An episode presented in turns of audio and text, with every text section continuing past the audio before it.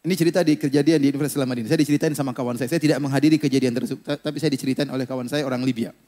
Jadi kita di Madinah, eh, orang-orang tinggal sekamar, satu kamar tiga orang, ada empat orang, dan biasanya di, dicampur.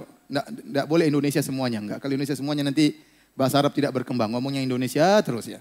Jadi dicampur. Saya dulu tetangga saya satu kamar itu dikasih petak-petak, saya tetangga saya orang Afrika sama orang Bangladesh ya. Terkadang ganti, ini ganti tangga orang Sudan dan macam-macam. Nah, ada suatu uh, ruangan di situ kamar. Kebetulan di situ ada Afrika satu kamar dengan orang Rusia. Dan kita belajar di sana sembilan bulan.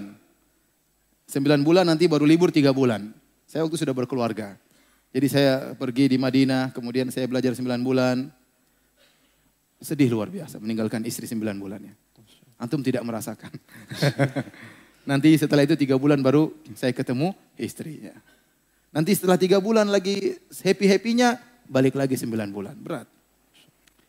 Terus saya pulang lagi tiga bulan sudah punya anak. Alhamdulillah. Masya Allah.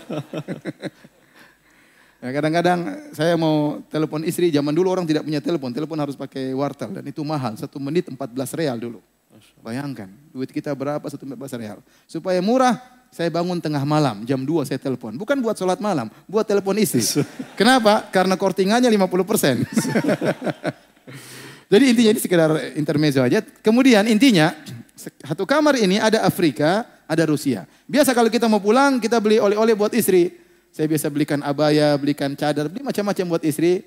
Uh, tiga bulan libur. Nah, orang Rusia ini sekamar dengan orang Afrika. Orang Rusia ini dia pingin pulang, maka dia beli oleh-oleh buat istrinya Belilah dia cadar dan baju abaya.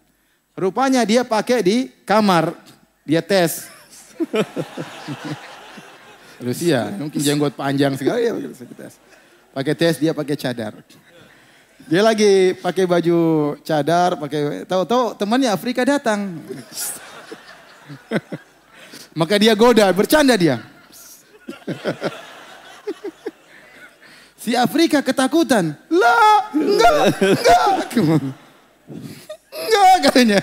Masya Allah, Yusuf Afrika.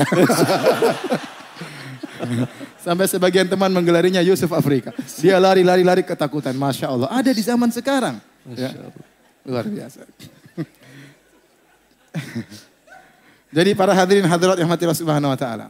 Sabar meninggalkan kemaksiatan di zaman sekarang tidak mudah. Berat. Berat. Tapi kita perlu perjuangan agar kita bisa menghindarkan diri daripada kemaksiatan tersebut.